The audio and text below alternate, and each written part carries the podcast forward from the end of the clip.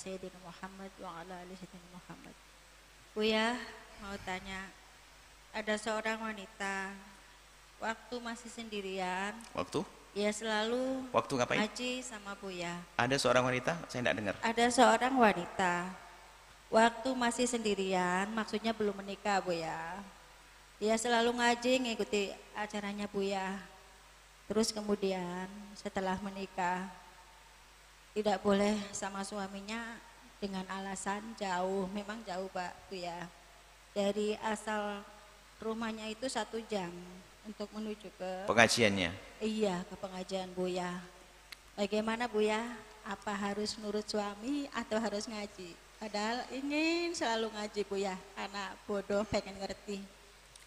Terima kasih Buya. Baik. Assalamualaikum warahmatullahi Assalamualaikum warahmatullahi wabarakatuh. Pertama kami himbau untuk biasa patuh kepada suami. Ngaji kan tidak harus dengan Buya ya. Ya, kan masih ada ustadz yang lain. Kan juga masih bisa dengar melalui radio atau televisi. Cuman kalau jadi suami jangan egois begitu dong. Hiburan istrimu dulu apa sih? Hiburan positif kok ngaji kok.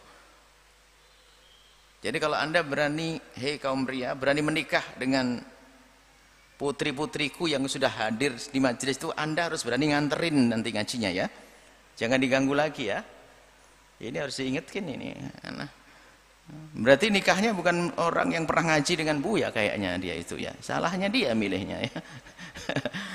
Jadi mohonlah wahai para suami, kalau hiburan istrimu positif menghadiri pengajian, ya Alhamdulillah istriku senang ngaji, lumayan selama saya belum menikah saya tidak pernah ngaji. Alhamdulillah punya istri, saya akan temani ngaji, lumayan saya bisa ikut ngaji kan enak begitu. Atau sudah terlalu pinter suami tersebut. Jadi enak. Yang sedih itu anda itu apa? Buya, saya ngajak istri saya nggak pernah mau. Itu loh yang bencana. Ayo ada kan begitu? Dari yang hadir ngajak istri nggak mau, kan ada.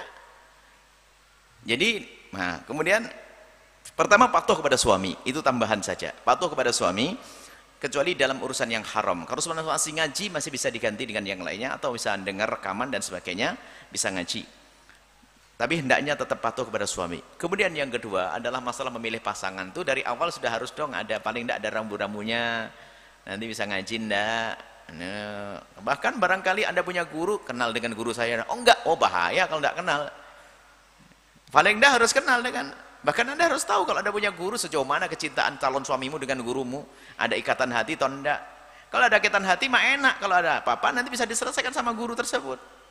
Jadi milih itu jangan hanya oh, jangan ketemu di internet langsung ini Facebook ya nggak bisa begitu. Jadi memilih pasangan yang jelas.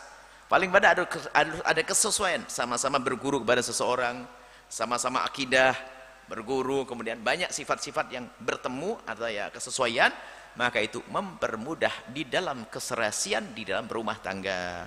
Seperti itu wallahu a'lam bishawab.